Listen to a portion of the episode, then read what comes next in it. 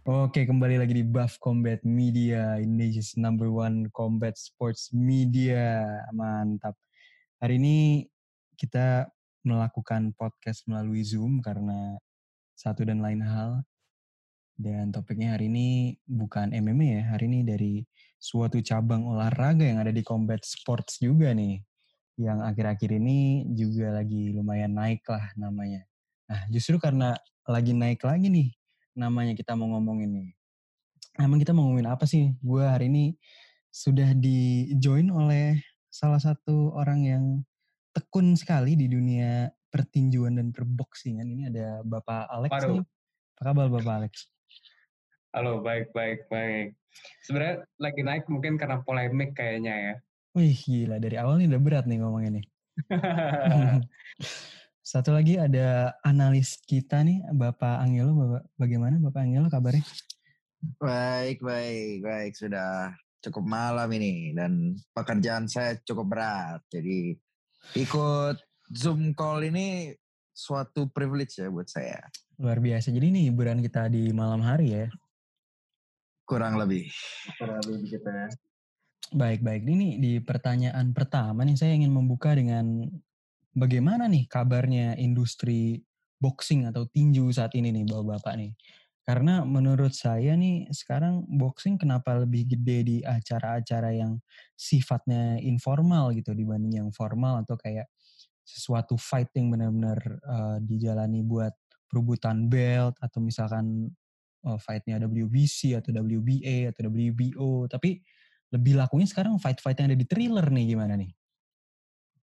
Nah, itu dia polemiknya kali ya. Lebih apa namanya fighter yang beneran kalah laku sama fighter-fighter yang ada di thriller kali gitu ya. Mm-hmm. Gimana nih? Gue dulu ya, lo. Silakan, silakan. Sikat, sikat, Oke. sikat. Ya mungkin gue gue kan mungkin ya gue yang kata Rehan bilang gue dari backgroundnya dari boxing ya tapi mungkin gue ngikutin boxing casual ya nggak hardcore juga ya tapi gue ngerti dikit lah tentang pemain-pemainnya menurut gue sih eh, karena ini kali ya beda sama kayak MMA ya kalau misalnya yang gue tahu tuh MMA itu kalau misalnya ada lagi ada nama besar saling call out satu sama lain chance untuk terjadi fight-nya tuh cepet gitu ya nggak sih? Hmm, mm-mm. Kayak, kayak misalnya ya kayak Usman out Mas Vidal tiba-tiba bentar lagi udah jadi udah training camp terus kayak langsung kemarin langsung udah ngeliat yang terjadi fight- gitu. Iya terjadi dan fight-nya tuh lumayan seru gitu ya walaupun gue nggak ngerti sama sekali tentang MMA. Tapi gue gue bisa bilang itu seru gitu loh. Jadi kayak the fans got what they want gitu loh. Para Hmm. para fans fansnya dapat apa yang mereka mau. Mungkin kenapa boxing kurang kayak gitu ya karena menurut gue karena eh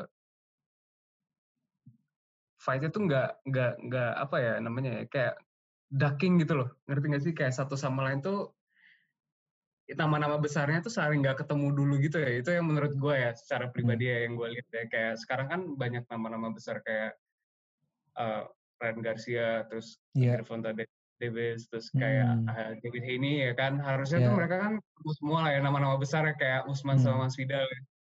Dan mereka jadinya nggak ketemu. Nah justru malah yang laku sekarang ya itu eh, fight dari awalnya kan dari Mike Tyson dulu kali ya yang trailer itu kan ya sama Roy Jones ya. Betul. ya kan? Terus jadinya eh, nggak ada big fight adanya malah exhibition exhibition mungkin keterusan kali ya menurut gue sih gitu ya. Mereka kayak chance bis apa sih nah peluang bisnisnya tuh le- lebih lebih gede gitu mungkin ya karena kan eh, yang diajak tuh kayak orang-orang yang sebelumnya tuh bu- mungkin bukan eh, apa namanya bukan fighter kayak Jack Paul kan artis ya Artis hitungannya. Iya, iya kan dia jatuhnya artis kan, bukan Iya. fighter. Dia, Dan- dia sebelum sebelum fight aja udah banyak following sih kalau nggak salah gitu ya. Mm-mm, bener. Dan juga si Tyson ya beda lah ngegorengnya kan dia sebagai legenda tinju gitu kan yang tiba-tiba balik kering sama juga sama Roy Jones. Jadi ya benar kata lu sih kalau dari gua mau nanggepin juga kayak emang secara bisnis lebih menjanjikan. Nah kalau Nah, misalkan iya. ngomongin kayak si Jerbon Jerbonte Davis sama si Ryan Garcia gitu-gitu emang mereka kan juga beda promosi kan makanya nggak bisa ketemu-ketemu kan. Nah, mungkin itu kali yang bikin susah untuk jadi kayak big fight itu tuh terjadi gitu loh. Jadi kayak kan ini kayak kosong gitu loh istilahnya boxing nggak kayak di UFC kan banyak nama-nama besar yang ketemu yang Hmm. kayak tadi yang gue bilang kan. Mm-mm. Nah, jadinya sekarang yang yang jalan malah itu kali ya yang yang mungkin karena pertama gampang diatur juga kali ya Jack Paul ketemu sama si si Ben Askren ini kan. Mm-mm. Jadi ya ditambah lagi following si apa namanya Jack Paul yang dari dia udah artis di YouTube yang followersnya itu juga gede banget ya. Fanbase itu juga lumayan gede kan ya. Iya tuh nyampe Cisarua gue dengar. Waduh, waduh, waduh. Yang Royal Safari ya. Royal Safari Garden katanya tuh. Keren. Jack, Jack Paul mah, Jack Paul. Main tinju mah. nah ini Bapak Angelo jangan ketawa-ketawa, tanggepin juga dong. Wah, saya kalau tinju cuman tahu kalau di jalan gitu ada plat B tinju doang. Wih, gitu. Itu di, sering ditemukan di daerah Bintaro ya Pak Angelo ya? Awal di Blok M sering tuh kalau Oh, Blok M juga Kasiwa. sering. Iya. Hmm, gitu. Jadi memang menguasai dua daerah ya, Bapak yang memiliki B tinju itu ya. Iya, nah Hmm, di follow biasa. dengan B tinju itu kalau kalau jadi kayak sebenarnya yang fight trailer ini akumulasi dari yang pertama tuh yang si kayak saya ketemu Logan Paul tuh masih Ah, inget itu nggak dia. pada Hmm. nah Ingat, ingat, ingat, ingat. awalnya kan dari The Zone tuh bikin acara itu kan terus Iya. ternyata pay per view biasnya tinggi Eh, waktu itu ada nih saudara Antonio Orlando pernah bilang bahwa temannya sampai beli kayak kit Jack Paul versus kayak saya gitu cuy dikirim apa ke? Jakarta tapi nyampainya dua bulan setelah fight nah Wah. itu jadi dari dia terus mulai banyak tuh youtuber-youtuber yang boxing-boxing kan ada yang Ansen Gift terus Iya, iya. eh, ada beberapa lagi terus yang Nate Robinson itu kan juga gara-gara Logan Paul sama Jake Paul main boxing kan Iya itu juga goblok tuh. Artis-artis pada main boxing ya. Kayak ini kan Iya. adanya siapa? To- Tommy Fury ya itu adanya Tyson Fury bukan sih? iya eh, Oh, kayak kayak satu marga gitulah tapi ya gitulah pokoknya bukan adanya sih dia Bukan adanya ya. Ada. tapi sa- satu keluarga satu keluarga tapi Iya, iya. itu juga tadinya kan artis apa sih itu yang reality show itu kan, terus langsung professional fight, rekornya sekarang udah empat apa ya, empat kosong ya. iya iya berarti kan segampang itu kan untuk Iya. ngerancang rekor di boxing gitu loh Iya, iya betul sih. Ya menurut gua juga ya, jadi ya jadinya gimana ya? Gua jadinya kayak 20% 30% market tinju sekarang isinya fans-fans YouTuber YouTube gitu gak sih? Nah, Iya. ya itu yang mau gue sampein tapi gue bingung nyampeinnya. Jadi kayak mereka ngebawa market mereka sendiri gitu. Nah berarti Yang jadi menurut kalian orang-orang yang sebenarnya mengerti tinju itu nggak nonton si Jake Paul ini dong, cuman senang-senangan doang kali ya? Cuman seneng-senengan doang, soalnya kalau di Twitter tuh banyak bilang yang acara Jack Paul itu sirkus. Dan gue sendiri nonton fight fight card itu rasanya kayak gue nonton apa ya kayak acara RCTI gitu cuy kayak banyak nyanyi terus Iya, buat, fightnya kualitasnya nggak bagus tapi versi ya. bulenya gitu cuy Iya. iya mereka menang guestnya juga sih karena banyak banget kan artisnya ya ko- komentatornya aja Snoop Dogg kayak kalau nggak salah kan Iya. Kayak Facebookers gitu loh rasanya nonton itu. Tapi yang kalau yang. Tyson Jones kan masih bagus ya. Kalau yang Jack Paul sama Ben Askren bener-bener Facebookers banget anjir kayak tiba-tiba nyanyi. Terus komen komen komennya receh. Itu loh. Kayak nggak kayak nggak legit aja rasanya. Iya, tapi iya, jujur iya. aja gue nggak nggak nonton sih kayak gimana ya karena gue nggak nggak tertarik aja ya kayak mungkin gue secara pribadi nggak nggak suka kayak wah gila yang tadinya gue suka nonton boxing karena fight fightnya fighter fighternya keren terus dulu Jack Paul dengan sotonya karena nge-KO-in Nate Robinson ngerasa dia kayak best boxer of all time gitu enggak sih terus ngegoreng acaranya ya menurut gue pinter tapi cringe aja gitu loh Nah. laku jadinya kan tapi cringe kan- aja menurut gue Kabar terbarunya si Jake Paul mau lawan Mayweather nih. Itu eh sorry Kayak Logan Paul ya, ya, Logan- Logan Paul. ya. Logan Paul. nah yang gue tahu nih si Jack Paul tuh nantangin Nate Diaz Hmm, iya, itu dia nantangin banyak sih. Kalau Jake Paul nantangin banyak. Iya. Nantangin DC, nantangin Nate, Usman juga ditantang ya. Di Iya, Super Usman DC juga. langsung jiper. Iya anjir Tapi ya menurut gue lebih goblok Logan Paul lah. Dia kan apa eh, rekornya belum sebanyak Jake kan boxingnya. Terus Iya. tiba-tiba udah nantangin Mayweather tuh tolol sih. Iya tau Cuman lebih santaian Logan Paul dibanding Jack Paul sekarang. Iya sih, lebih Iya. tapi menurut gue lebih pinter Jack Paul sih kayak dia dia tuh nantanginnya yang kayak non boxers gitu loh jadi kayak ya mungkin plus egonya dia juga kali ya karena udah ngekawin orang apalagi kemarin Askren kan juga dikawin dia kan Mm-mm. atlet fighter beneran istilahnya gitu Itu- ya jadi dia itu merasa kayak si Askren anjing gue. Iya. Gitu, Gila sih. bangsat. wah itu gila sih ya tapi sih menurut gue kayak gara-gara Tapi- dia lagi egonya naik aja sih kali ya Logan Paul sama Jack Paul mobilnya platnya B tinju. Beoxing lah, beoxing.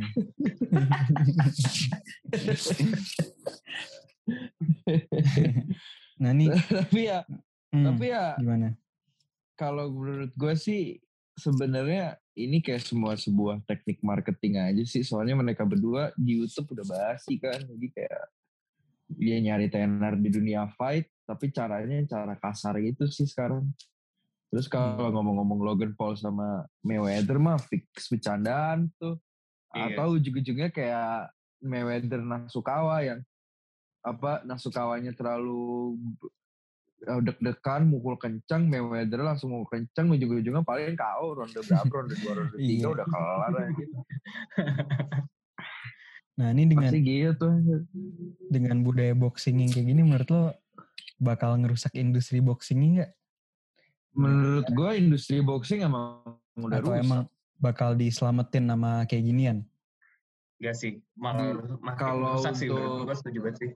Makin rusak sih le- legi- legitimasi boxingnya jadi makin sedikit. Kayak paling kalau lu nonton boxing dalam setahun dari berbagai macam event yang paling terkenal paling apa? Cuman fight Canelo terus Tyson Fury. Even menurut gue Lomachenko aja nggak seterkenal itu menurut gue Hmm. Iya, ta- iya ta- apa? Gue gua kecewa sih ya.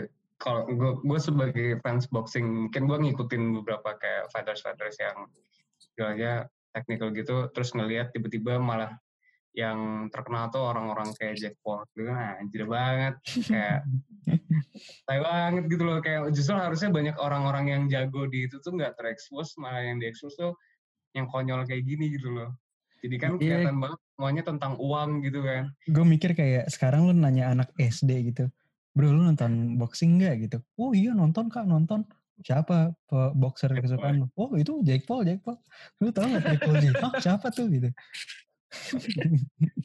siapa itu? Gue taunya Logan Paul, Jake Paul. Anjing. lo lebih kaget lagi nggak kalau oh eh, tahu kak saya taunya Mars Devolta box Wih Sabi tuh ada di ada di Ad Hawkeye Fightwear sekarang. Jangan main-main. yo iya. Kita aja nggak ada Dia Ad Hawkeye Fightwear. open open school dia milih open school untuk ngejar passionnya dia Ih, luar biasa. Ini masa depan Indonesia. Nah, ya. Little Big Shot Little big shot dia. Apalagi dipanggil sama Harvey siapa nih? Harvey siapa nih? disuruh gak tau Harvey botak kan ya botak Iya.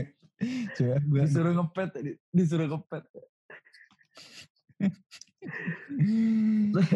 Steve Harvey, Tapi- Steve Harvey. Steve Harvey Steve Harvey Nah, kita balik lagi ke topik ya industrinya udah emang udah agak mati. Menurut gua ada pro kontranya sih kayak gini ya.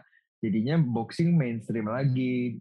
Tapi Hmm. kalau untuk masalah legitimasi sih udah drop sih. Kembali lagi tadi gue bilang ya paling fight yang legit cuman Canelo karena Canelo fight mulu dan sering kan.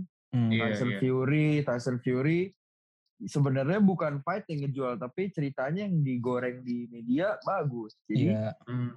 kayak terus heavyweight juga ya gitu-gitu aja kayak Joshua, Wilder, Ruiz, Joshua, Wilder, Tapi- gitu aja. sih. Kayaknya Joshua sama Wilder juga namanya nggak tahu ya gue sih ngerasanya udah kayak kurang menarik karena udah sempat kalah itu nggak sih?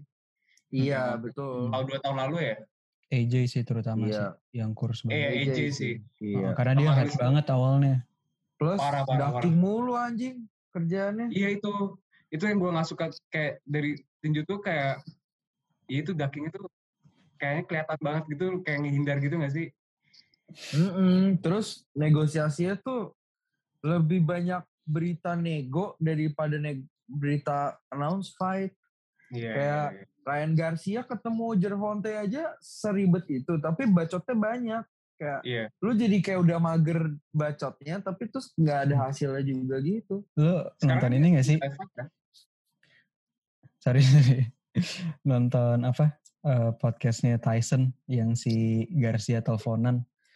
Nonton nonton. Iya, terus kayak ya udah aja gitu kan. Padahal udah kayak ditelepon langsung sama Tyson gitu. Iya terus kayak udah keburu, udah hype udah keburu ketam gitu kan. Terus Iya. berapa hari Iya, iya. kemudian bukannya di announce lawan Gervonta malah lawan kayak orang orang lain gitu loh. Terus Dan sekarang itu nggak gagal. jadi juga kan? Iya. Itu nggak jadi juga kan? Kayak, Kayak Ngomong-ngomong- lu susah Hmm. jadi boxing fan gitu loh sekarang. iya sih. Terus terang, iya sih kayak nggak ada apa ya, kayak nggak ada big fight yang dina, apa sih kayak yang bisa dinanti-nanti gitu ya. Iya. Paling kok Iya benar. heavyweight doang sih. Kalau gue ya, Iya. gue sih nontonnya boxing Mm-mm. sekarang heavyweight doang ngikutinnya. Iya, ya gitu lah. Wah anjing, meeting Kurus lebih. meetingnya habis dalam 10 menit. Ntar lanjut lagi. ya beginilah ya eh, tuan-tuan muda. Karena kondisi umur kita yang masih segini ya belum mampu punya Zoom yang berbayar. Buat apa beli Zoom berbayar? Emang, Iya. emang ada tuh company suruh bayar Zoom. Ada lah namanya Zoomify. Pakai Zoom. Wow.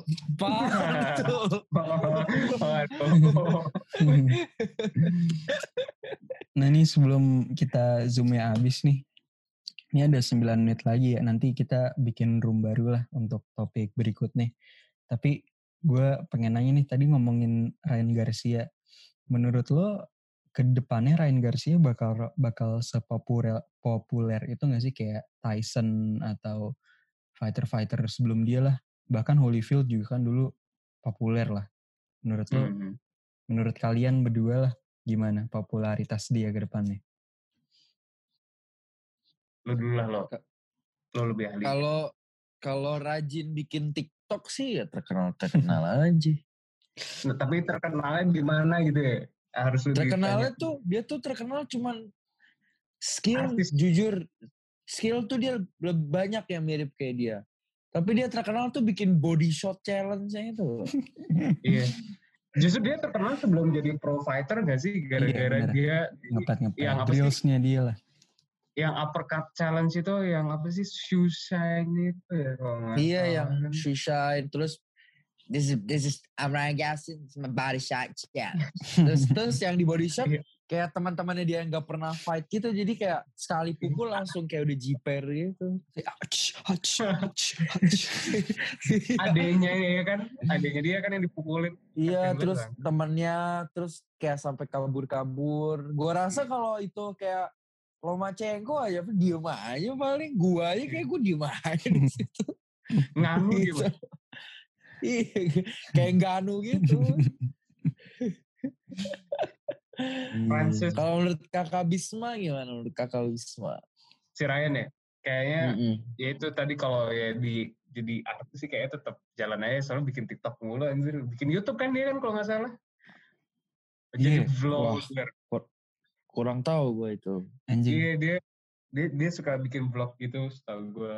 Gue Gue nonton beberapa tuh kayak dia nggak bikin kayak vlog eh, kayak menuju ke acara dia fight gitu deh. Pokoknya road to dia fight lawan siapa gue lupa. Ya mungkin kalau sebagai fighter kalau misalnya ya itu dia harus lawan nama-nama gede dulu nggak sih kayak ya itu yang tadi gue bilang Gervonta uh, Davis atau enggak David Haney. Mm-hmm. Nah, lawan itu mungkin baru bisa ada future yang apa namanya? yang istilahnya bakal diingat kayak nama-nama yang lu bilang tadi gitu loh, Re. Iya, iya, iya. gue ngomongin nama-nama yang tadi gue kebayang gitu kalau misalkan kayak di zamannya Tyson itu mereka kayak udah ada sosmed gitu. Iya. Tyson kayak ngeblok sama macannya lagi iya, pakai rantai. Itu seru banget sih. Anjing. Tapi seru banget gak sih? Itu entertaining banget sih gue lihat iya orang sih. main macan gitu. Iya. Iya ya. Apa namanya? Main main wrestle sama macan anjir. Itu iya. serem banget sih. Yang jelas Cuman pakai sempak doang. Iya, pakai sempak doang di dalam kolam cetek gitu kan. Iya. Lo lihat video lo lihat video dia yang di lapangan basket itu gak sih yang dia wrestle macan ah, gitu? Ah, tahu tahu. Lihat lihat lihat. Siapa nama macan ya? Lupa gue. Gila. Iya, tapi yang jelas menurut gue kalau misalkan pada zaman itu mereka semua punya TikTok dan IG, kayak nggak bakal sesangar itu deh. Tyson ya. Iya mungkin ya. Kayaknya sih gitu ya. Kesangarannya tuh pasti jadi gitu. mudar gitu karena tiba-tiba joget iya. TikTok iya. lah, tiba-tiba kayak ikut challenge joget gitu ya. Ikut challenge-challenge konyol gitu kan. Nggak penting ini. Iya. Pasti, lah. pasti. Ini zoomnya tinggal 5 menit, gue amanin aja ya. Oh siap. Segmen ini gue tutup dengan jangan lupa minum Isopro 23 karena di bulan Ramadan ini pasti kalian butuh nutrisi yang cukup. Isopro 23 itu ada 23 grams of protein, 4.5 BCAA, zero fat, zero sugar dan uh, lactose free ya. Jadi silakan sikat lah Isopro 23. Nah, lo kalau mau beli di mana? Lo langsung aja cek Instagram at isopro23. Kembali lagi di Buff Combat Media. Masih bersama kami ada Angelo Bimoaji. The Hot Seat. ada kakak Alex Bisma. Halo. Dan saya sendiri ada Raihan Bamari di sini.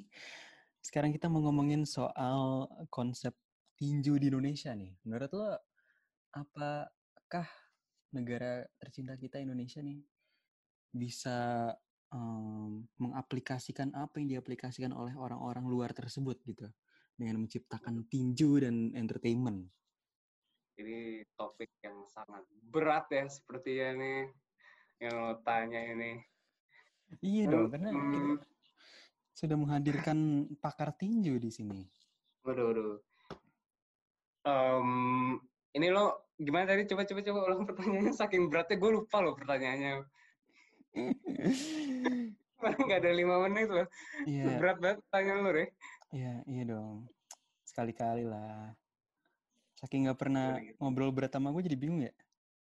Gue gue bingung gitu. Saya bercandaan mulu. Iya gini loh maksud saya. Maksud saya itu kan di luar nih udah diaplikasikan gitu. Tinju tuh digabung sama entertainment. Ada hmm. youtuber ya kan, youtuber hmm. fight sama pemain basket lah segala macam. Dan di hmm. kan ini juga tinju bisa dibilang juga lagi mati suri gitu karena kayak yang lebih didengar sama orang ya sekarang MMA ya One Pride, ya One Championship, ya UFC. Tapi nggak pernah lah denger kayak bahkan kakak James Moko Ginta aja gue yakin orang orang yang suka nonton combat lah ditanyain eh lu tau gak sih James Moko Ginta gitu hmm. ah, gue gak tau gue taunya tuh Theodorus Ginting Bang Singa Karo gitu. Karo gue taunya mah itu Jika Saragi gitu. jadi kalau lu tanya soal pemain-pemain boxing gitu mereka menurut gue kayaknya nggak nggak nyampe ke situ gitu ilmunya dan itu menurut gue uh, hal yang menyedihkan jadi menurut lo apa Indonesia harus memasuki jalur itu? Gitu untuk kayak masukin si Andovi ini. Nanti gue mau tag nih pokoknya Andovi da Lopez. Fight ya kan fight. Lawan siapa kayak gitu orang MMA Indo yang cuman bisa grappling. Lawan yeah, yeah. Teo Saksina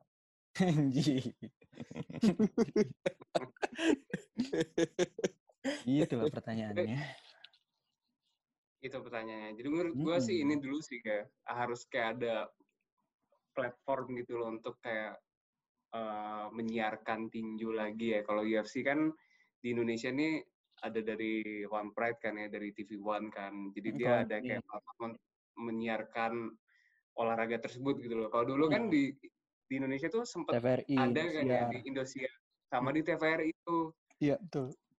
Nah, itu kan istilahnya ada masa jayanya ya. Mungkin orang waktu itu non- sering nonton juga di situ ya. Tapi kan sekarang udah nggak ada eh, stasiun te- televisi yang eh, nyiarin lagi ya. Mungkin menurut gue sebelum ngomongin siapa harus lawan siapa, artis siapa yang harus di-include, harus ada medianya itu dulu sih yang buat menyiarkan tinju lagi gitu loh. Kayak TVRI dan Indosiar pas eh, beberapa eh, tahun yang lalu gitu. Sebelum la- lanjut ngomongin yang lain gitu loh, Re. Hmm, setuju setuju. Menurut gue sih gitu ya. Soalnya Setuju percuma luar juga kok. biasa. Luar biasa, saya setuju sekali itu. Ya kan, soalnya kayak percuma juga lo lo datengin fighter yang bagus gitu. Lo punya fighter yang bagus. Gue yakin juga pasti banyak fi- fighter-fighter uh, atau boxer-boxer di Indonesia yang bagus ya. Tapi nggak kedengeran aja karena nggak ada platform yang bisa menyiarkan mereka gitu atau mempertontonkan mereka fight gitu loh. Mm, mm, mm. Jadi sebelum sebelum ngomongin siapa yang harus tanding, gimana cara ngejual fighter ya, harus ada ada itunya dulu sih platformnya dulu sih menurut gue ya. Simpelnya seperti itu. Kemarin sempat ada acaranya Chris John kan tuh sebenarnya Iya ya kalau nggak salah ya. di Metro. Tapi tuh Metro ya. Ah, sama Mm-mm. RCTI juga bukan sih dulu ya? Kalau nggak salah kan. Iya, RCTI juga ada RCTI Boxing seingat gue. Iya kan? Acaranya dibikin Chrisye. Acara Setelah industri Bang. Oh salah ya. Bukan, bukan. Itu acaranya Alex Kumara beda lagi, beda lagi. Oh itu beda Oke. lagi. Iya, tapi Oh. Sempat sempat dicoba sih itu udah kan melalui acaranya si Chris John ini tapi Hmm. berhubung dengan coronavirus yang sangat luar biasa ini efeknya jadi sempat berhenti kan si acaranya Ini kalau didengar-dengar eh, itu dealnya hanya untuk empat event dan nggak Hmm. dilanjutin lagi. Hmm, Hmm. Gitu aja sih. Jadi Em- emang kayaknya emang rate ratingnya nggak bagus dong berarti. iya ya. setuju menurut gua emang walaupun udah dicoba masih Metro ya dan bawa namanya nama Chris John lagi siapa siapa yang nggak tahu Chris John gitu Manny Pacquiao Iya, ya tahu Chris John minum bareng extra jos ya kan Iya, iya. tapi Iya. nggak nggak berhasil ngangkat gitu nggak berhasil ngangkat nama tinju Indo dalam beberapa tahun lah dua tahun ada itu acaranya kayaknya setahun dua tahun mungkin next baru ngomongin fighternya sih. Menurut gue fighternya tuh selain jago dalam skill, jago harus menjual juga gitu loh. Kayak harus istilahnya semi artis gitulah. Kayak bisa bisa nge-build up fight dia supaya jadi menarik gitu kan. Lu lihat aja kayak ya yang kayak McGregor, kayak misalnya eh, apa namanya Mike Tyson sama Muhammad Ali deh kita contohnya yang umum yang orang semua orang tahu lah. Mereka kan terkenal selain mungkin karena emang skill mereka jago bisa nge-back up omongan mereka, tapi mereka ngebuat pre-fight atau apa nge-build up fight-nya tuh yang istilahnya em, entertaining gitu loh, ya nggak sih? Mm, mm, mm. Jadi itu juga menurut gue jadi aspek yang harus diperhatiin juga. Jadi si fighter-fighter yang entar apa namanya bakal fight di tinju mungkin harus bisa menjual juga gitu loh secara secara pribadinya gitu loh. setuju sih Itu sih ya. Setelah platform ya, setelah ngomongin platform Mm-mm. baru ke fighter Jadi, selain skill juga. ada beberapa step gitu ya Bung Bisma ya Menurut gue sih gitu ya. Yang gue lihat Hmm. sih gitu. Kalau kalau kalau yang di luar ya, kayak kenapa kayak Ryan Garcia deh. Ryan Garcia yang tadi gue bilang kan dia aja belum ter, dia aja udah terkenal sebelum dia jadi prof kan gara-gara challenge challenge dia yang aneh-aneh itu kan. Samyang challenge deh Sama yang challenge anjing. gimana Oke, ditambahin dong Bapak Angelo Kalau buat gua sih sebenarnya market tinju di Indonesia itu sudah dipegang kalau untuk ngomong tren itu ke rookie fight sih. Sampai itu soalnya sampai teman-teman gue yang gak pernah nonton boxing aja kayak giliran ngomong rookie fight tuh pada tahu semua. Dan dan rookie fight yang di Park Leon sama Palace tuh lumayan sukses karena yang orang tahu rookie fight itu di tempat-tempat gitu dan Hmm. gua nggak tahu ya kenapa rookie fight lebih laku daripada tinju profesional. Mungkin karena orang-orang age groupnya bisa berpartisipasi dan teman-temannya kebetulan berpartisipasi semua juga ya. Jadi gue juga gue bingung gitu loh kayak ada acara boxing profesional tinju kok malah yang laku acara amatir gitu. Emang pasarnya tinju Indonesia udah ke sana semua gitu loh. Hmm. dan udah kayak udah kayak proven bahwa kalau lu bikin acara kayak gitu juga lebih cost efektif terus Hmm. dan apa word of mouth itu nyebar cepet banget gitu loh jadi kayak emang udah pada ke sana semua gitu emang ma- pa- iya. emang udah OTW-nya udah jadi ajang kalau dipikirkan rookie fight bukan ajang kompet ajang kompetisi slash entertainment ya maksudnya banyak fighter yang main di rookie fight itu banyak kan bukan fighter gitu banyak orang kantoran orang-orang Iya sih. nongkrong paling cuman bisa dihitung berapa partai dong yang orangnya legit tapi itu pun juga mentok oh ini amatir ini amatir itu yang ada ada minusnya juga sih maksudnya eh, orang tinju amatir ya bagus tapi kayaknya hampir semua tinju amatir tuh sama semua deh template gitu deh Iya, kembali lagi kalau menurut gue sih dari sosmed sih lo. Kalau misalkan Iya. lu lu bikin rookie fight nih kan otomatis yang main juga seumuran kita lah ya kan. Seumuran kita yang biasanya kalau misalkan mau fight upload di sosmed. Teman-teman juga good luck, good luck, good luck gitu kan. Tapi kalau lu udah Betul. umuran kayak yang tinju profesional apalagi yang udah punya sabuk gitu kan biasanya mereka umur 30-an ke atas gitu.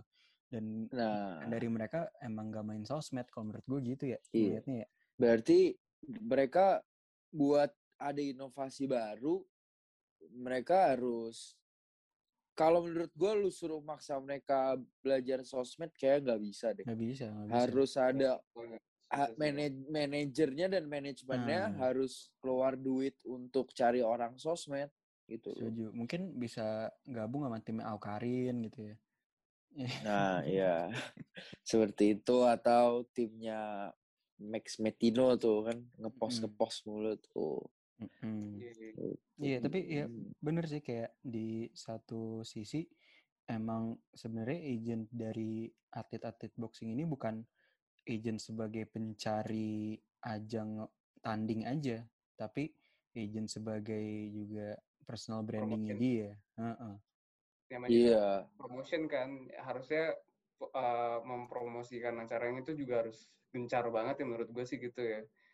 Kayak total boxing tuh gencar banget sih. Iya kan Iya. tuh gue sih sempet dapat ads-nya deh kalau nggak salah berapa kali tuh. Iya, Di total Iya. boxing, total boxing gila sih. Gila Dan sih itu. growth-nya dari yang si Angelo dulu main di Karawaci, tiba-tiba udah bisa nyampe Palas, berarti kan duitnya juga mengikuti gitu Iya. dengan marketing Sponsor juga dia. mengikuti juga. Iya. Mm-mm.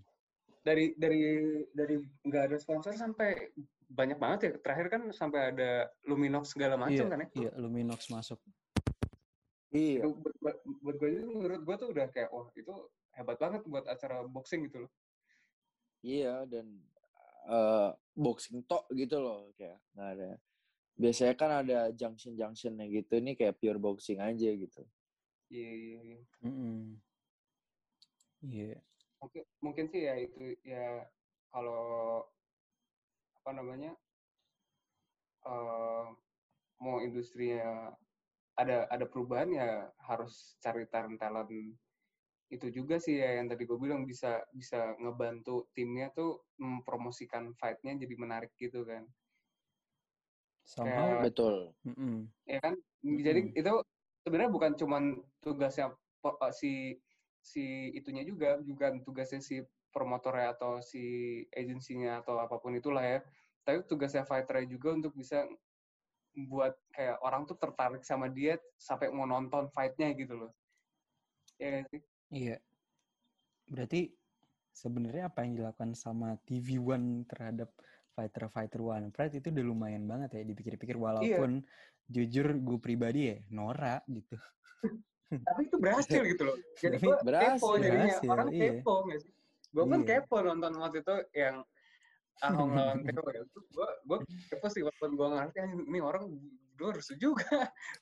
Jadi gue Iya. pengen tahu akhirnya gimana gitu.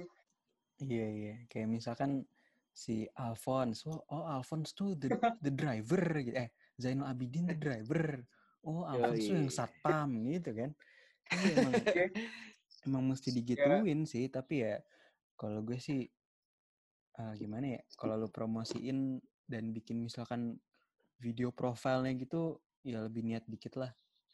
Ya menurut gua, menurut gua alay alay harus misalnya emang marketnya harus alay, tapi videonya nggak usah terlalu alay kan bisa Iya, gitu justru kan. Iya iya.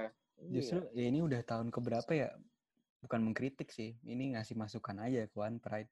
Ya mau dengerin mau enggak terserah gitu. Tapi menurut gua lu kan punya power di sini kan untuk mendidik orang-orang yang nonton lu gitu. Kenapa lu nggak nge-step up game lu biar orang-orang yang nonton lu juga punya selera yang lebih bagus gitu. Gitu. Tapi gue tapi gue suka banget sih itu build up fight Ahong sama Theo sih. Iya sih. Itu so dua-duanya dua-duanya tuh menjual gitu loh. Kayak nggak nggak nggak nggak yang satunya yang satunya aktif apa sih namanya eh, bikin sensasi tapi dua-duanya tuh kayak sama-sama jual beli bikin sensasi gitu loh. tapi Jadi itu menarik juga gitu loh. Iya. Jadi Heeh. itu jadi udah masuk harusnya- juga loh. Kalau kata Theo di Brava Radio harus ada sinergi ya. Itu benar Iya. tuh. Jadi dia- emang, emang harus ada chemistry, mau rivalry apa enggak harus ada chemistry biar ntar duitnya ngalir juga gitu. Iya. ya, Dan fight-nya juga oke sih menurut gue ya. Kayak ada yang gue sih karena nggak ngerti ya gue ngarepnya wah ini harus ada KO dan beneran ada KO jadinya wah gila akhirnya bisa ngeliat ada fight yang build up-nya bagus terus endingnya juga bagus gitu loh. Iya itu sesuai ekspektasi Yoi. sih. Sesuai, Iya. sesuai. Sesuai. Terus sebagai sebagai fans ya maksudnya kayak kan pengen ngeliatnya kan wah ada KO aja gitu loh. Yang Mm. paling ditunggu-tunggu di fight game biasanya itu nggak sih? Iya, yang bikin makin nikmat adalah build up-nya itu udah luar biasa. Terus di Iya. end- diakhiri dengan KO tuh wah ya itu full package yang sangat luar biasa untuk penonton kan. Iya. iya. Betul. Dan fight-nya juga seru. Iya seru, gue menurut gue sih seru banget ngeliat mereka berdua tuh. Kapan ya Yoi. hal ini bisa terjadi di boxing gitu kan? Ini kan kembali lagi topiknya kan boxing gitu. Kapan James boxing Bogo Ginta versus Theo Saksina. Kapan tuh acara Pancasila Day, Pancasila Boxing Day atau apa pun itu gue kurang hafal namanya. Itu bisa semenjual itu gitu. Bahkan Pancasila Day kan juga di gue inget kok disiarin live di Metro. di Metro. Iya, iya. Iya kan? Men- menurut gue bisa gede-gede aja asal ada orang konten sama orang sosmed aja sih. Kemarin kan Pancasila Boxing Day kayak ya udah gitu aja gitu. Iya Macam juga- PR gitu sih menurut gue ya, kayak orang Mm-mm. PR Iya. yang nge- ngeben- nge- apa sih namanya ngedesain nge-build up build up acara itu bakal kayak gini gini gini gini lo harus kayak gini gini. Iya, harus goreng. Gorengnya harus rapi. goreng terus garing. Goreng garing. Terus ya juga kontennya juga mesti bagus. Terus dibahas terus pakai SEO. Harus ada expenses buat marketingnya sih. Jangan cuma expenses buat eventnya aja. Iya. Mungkin mungkin itu aspek yang belum di ini kali ya, belum disentuh. Iya. Mungkin Mm-mm. itu ya. Nih bagi teman-teman eh, para pendengar buff Combat Media, kalau misalkan mau nonton boxing, ini nanti akan ada acara boxing aja langsung masuk gue nih. akan ada acara boxing besar ya. ya itu di di dalam mimpi aja dulu, dalam mimpi dulu ya. Tapi ngomong-ngomong em, industri boxing sekarang dan jalan terjalnya nih, menurut lo kalau misalkan yang di dunia internasional nih balik lagi akan sampai kapan sih kayak gitu terus untuk ngandelin gitu kayak si ngandelin si Jake Paul ngandelin Logan Paul dan Menurut gua ngandelin sampai Tyson dengan comebacknya ngandelin Mayweather dengan comebacknya gitu kapan mereka terus mengandalkan terus-terusan sih. rely sama mereka Kar- gitu?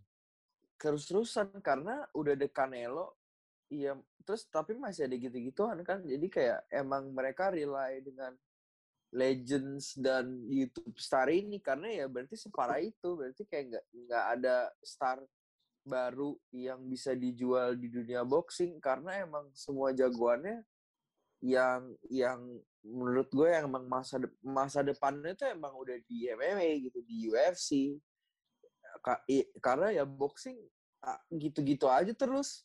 Mau press corner gitu-gitu terus fightnya gitu-gitu terus template acaranya gitu-gitu terus negosiasinya nggak akan berubah. Negosiasi Terus yang lebih sih. lebih Hmm. yang lebih kontol lagi itu juga ini cuy apa judgesnya judgesnya ngerop banyak ngerop banyak Iya, fights judgingnya Nah, nggak iya, itu- bener Itu itu promosi. itu masalah besar juga tuh di di, di boxing tuh. I- iya ya ujung-ujungnya akan selalu gitu selalu di saat boxing berjaya juga zaman Pacquiao De La Hoya Mayweather itu MMA belum segede sekarang sekarang MMA udah gede banget bahkan udah IPO UFC sekarang Iya, gila sih. Jadi kayak emang udah udah sportnya udah menuju ke daerah MMA, boxing akan selalu ada dan boxing nggak akan bisa digantikan. Cuman ya kompetisinya udah gede dan orang udah milihnya nonton MMA karena Iya. MMA emang marketingnya kan emang lebih ke anak muda kan, sedangkan boxing lebih mar nge-market uh, fight-fightnya kan lebih ke yang udah umur tiga eh, puluh empat puluh ke atas gitu ya. Udah kalau di shoot orang-orang yang pakai jas terus sudah ngomonginnya betting gitu-gitu. Jangan Iya. kalau UFC kan ngomonginnya sosmed, ngomonginnya press con, ngomonginnya build fight. Walaupun uh, bettingnya masih ada, cuman ya lebih kesannya lebih ya lebih sport dan lebih anak muda lebih gitu dibanding kayak boxing kan kesannya ya udah boxing aja gitu Iya. gambling gambling gitu Oh, ramenya Mungkin- tukang judi jadinya. iya Gamblingnya sih ya. mungkin Mungkin sponsornya sponsor sponsor di boxing kan emang judi banget gitu maksudnya yang barang-barangnya kayak ublo terus iya iya iya. iya. yang yang yang emang udah mahal gitu loh Apa beda market gitu maksud lu? Lo. menurut gua nggak beda market sih kalau apa menurut gua cara marketingnya yang satu yang boxing udah ada template-nya dan kalau misalnya diganti sedikit orang marah jadi dia akan selalu Hmm. gitu terus yang satu te- teknik marketingnya tuh fleksibel gitu loh bisa bisa Hmm. ke mana aja gitu. Dan nge- eh, promosinya juga be- udah bejibun. Dan ya kebetulan itu mereka kalau mau nyari fight ya segampang itu. Walaupun eh, orang MMA gajinya nggak segede orang boxing tapi juga orang yang ngomong kayak gitu juga nggak nggak nggak ngerti boxing gitu. Yang yang gajinya gede kan kayak Jack Paul Canelo gitu-gitu ya emang pay per, pay per view draw-nya gede lah kalau yang lu nggak tahu namanya gajinya sama-sama aja gitu loh Iya. iya Setuju. Tuh, tuh. Sama juga ini ya kayaknya asosiasinya tuh banyak banget gitu loh. Jadi beltnya tuh ah itu tuh Iya. banyak banget. Kalau Iya. UFC kan cuma satu kan ya. Benar-benar untuk Iya. satu di satu. Ini aja tuh satu divisi ada ada belt apa, terus ada isi- istilah apa, linear apa, eh, terus habis itu banyak Terus beltnya, nama belt sama nama asosiasi. Ya itu. Jadi Kelas, ribet kali ya jadinya. kelas lebih banyak Ribet, boxing nggak sih sebenarnya? Boxing kan banyak kayak kan boxing lebih detail kan? Boxing tuh Iya. Boxing Kalau- tuh ada WBA, WBC, IBF, IBA, IBO. ring, ring, ring magazine. segala ngeluarin tab juga kan Iya, Iya. apa apa kayak gitu-gitu lah pokoknya. Iya, jadi mungkin itu jadinya kayak ini ya jadinya kayak ngebanyak jadi banyak negosiasi gitu ya gara-gara ya itu Iya. nge-protect beltnya yang banyak banget itu nggak sih? Iya, ya sebenarnya lu formula olahraga cepat terkenal kan gitu kan. Lu kalau lu ditanyain ini apa sih? Lu bisa jelasin dengan singkat padat jelas kayak bola. Ya bola ya udah coba. Walaupun bola sekompleks itu tapi kan bola kayak kalau misalnya orang awam kan ya udah cuma nendang bola ke gawang gitu.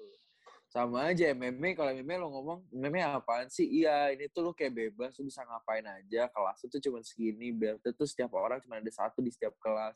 Tapi kalau boxing kan kayak ini kenapa sih Canelo kok beltnya banyak itu belt apa tuh lu mesti jelasin kok Canelo naik kelasnya banyak kelas apa aja nih lu mesti jelasin terus jadi kayak udah complicated secara tidak langsung udah complicated walaupun Iya. cuman bak book doang gitu loh Iya Betul, sistemnya sih, sistemnya yang bikin ribet. sistemnya gitu yang bikin jadi kayak fighter yang nggak bisa ketemu satu sama lain gitu ya. Mm-mm. iya Ya. ya manajemennya juga break nggak nggak nggak under satu payung kan kayak setiap Iya. orang punya promosi yang beda-beda yang punya TV deal yang beda-beda jadi kayak makin ribet lagi Iya. Iya. Jadi kayak lu mau milih yang mana nih? Lu mau nonton WBC kah? Lu mau nonton WBO? Lu mau nonton IBO? Sebenarnya yang ribet promotionnya itu sih. Jadi kayak yang kalau di UFC kan yang tadi kayak ya karena lu di bawah satu payung, ya lu negosiasinya gampang ya. Fighter lu dalam satu payung. Yang ribet kan kalau misalnya dua company berbeda punya dua agent berbeda, punya dua fighter berbeda yang lagi gede tapi mau ketemu terus negosiasinya nggak win-win solution kan jadinya nge-stall mulu dong, mundur-mundur mulu ya. Jadinya orang nggak dapat fight yang mereka mau. Jadi ya akan dapat fight gede. Ya, kalau misalnya nego mulu yang benar kata Angelo tadi negosiasinya itu yang kadang-kadang bikin fight-nya tuh nggak terjadi gitu ya loh. iya benar Ya paling kalau di MMA gitu biasanya pindah promosi sih. Pindah promosi itu memungkinkan banget kayak recently itu si Yoel Romero pindah Hmm. terus Barter. si Anthony Pettis juga kan? Anthony Pettis pindah. ya Terus Michael Chandler pindah. Cuma Michael Chandler masuk ke UFC. Ben Oh, lawan Askren kan dulu. iya Ben Askren tuh yang loncat-loncat. Iya, Pernah di dari one Bellator, UFC. iya. Gue gue ngikutin tuh pas dia di One Championship tuh. Anjir. Anjay Badannya badannya masih bagus ya. Belum ada Iya, lap dari sampai dulu. sekarang udah kayak om-om aja. Badannya caur banget sih dari belakang itu kayak Wah kayak pakai ini tau gak sih lo ban yang bebek-bebekan gitu kalau mau berenang kayak gitu anjing pinggangnya. pakai pelampung iya pakai pelampung jelek banget. Aduh Tai sih. Tapi gue gue amazed banget sih. Gue abis nonton si highlights-nya Ben kan ya dari dia fight jauh sebelum UFC. Hmm. Gila kayak nggak pernah mukul anjir, tapi pernah mulu. Tapi strikingnya ya kan ya pastilah MMA awalnya striking dulu. Strikingnya tuh nggak seburuk itu loh. Sebenarnya Enggak. gue. nggak seburuk itu Kemarin tuh pas itu. lawan si Jake Paul bener-bener jelek banget loh. Iya. karena ya be- be- faktor beda cuy maksudnya kayak gue MMA yang biasa nyeker terus disuruh pakai sepatu ada adjustment lagi loh sebenarnya Iya dengan apa ringnya juga kotak gitu ya, bukan pakai oh iya Tapi ada yang Iya. bilang itu di reg ya. Menurut lu gimana? Di kayak gue percaya percaya aja sih kalau emang di emang di rig cuman kayak Iya. lu masa tapi kayak yang bikin gue agak nggak percaya tuh kayak harga diri lu di mana anjing sebagai Iya, BDSM kalau lu mau dibayar sama ya sama Jack kayaknya Paul gitu udah bodo amat deh kalau misalkan masalah duit kali. Lagian kan dia udah namanya udah drop juga dari Mas Widal. Kali iya Iya, kali dia udah udah cuek aja kali ya Iya. Soalnya iya lu sebe- nggak dipukul sama Robi eh, siapa namanya Robi Robbie Lawler. Law- Lawler anjir buset Robi Lawler tangan segede paha gua kali. Dipukul di di ground and pound telak gitu gak KO anjir. Terus enggak. kayak gue agak agak heran aja pas ngeliat lawan Jack Paul ya. Gue gak tahu itu keras atau bener atau enggak ya. Tapi langsung KO gitu loh. Kayak ya hard to believe aja mungkin ya. Ya begitulah. Ben Askren ya itu Ben Askren juga udah jadi atlet kan udah lama ya. Maksudnya dia dari jadi pegulat lah segala macam. Menurut Iya. gue itu juga problemnya atlet-atlet yang udah jadi atlet tuh sejak dini gitu. Iya. Jadi mungkin emang hatinya udah nggak di situ kali ya. Jadi kayak ah yaudah. ini mak- maksudnya buat Mars de Volta box iya buat eh, adik Mas Mars De Volta apabila mendengarkan podcast kami hari ini ya, Dek ya. Itu dikurang-kurangi ya Dek latihannya, Dek.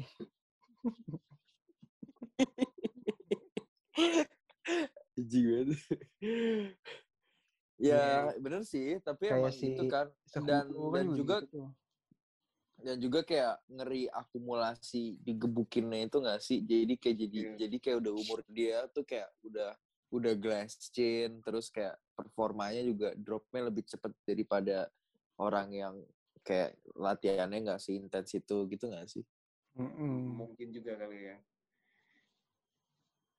Iya iya Yap. iya.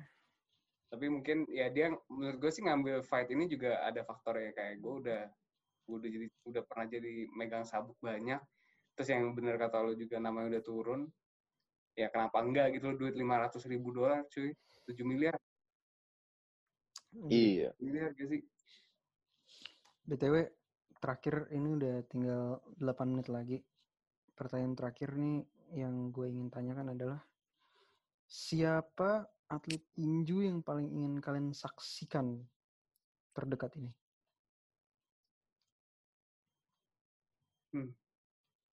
Gue Bisma dulu, Bisma. dulu nih Heeh. Tio Vemo lah.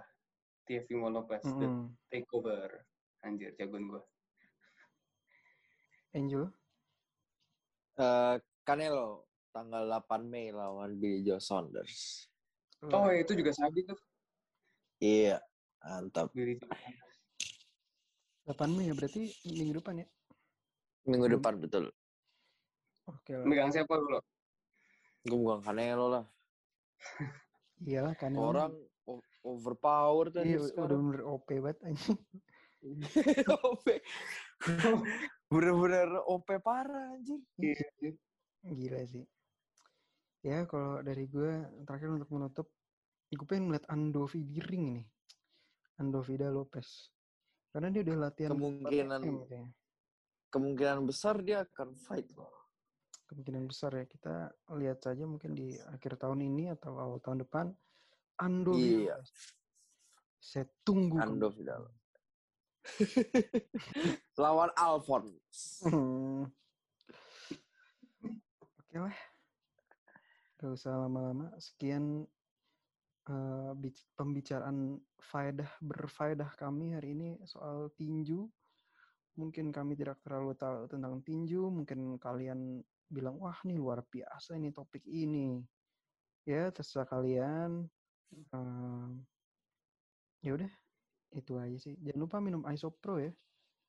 Oke. Sama, ya udah, Isopro ya. Dan Isopro, ya, ya Isopro, apaan sih? Hah? Mantap tuh Iso Pro. Isopro kan? Iya, Isopro. Gila, gila lu. Anti kali nggak Covid tuh Isopro. Gila lu.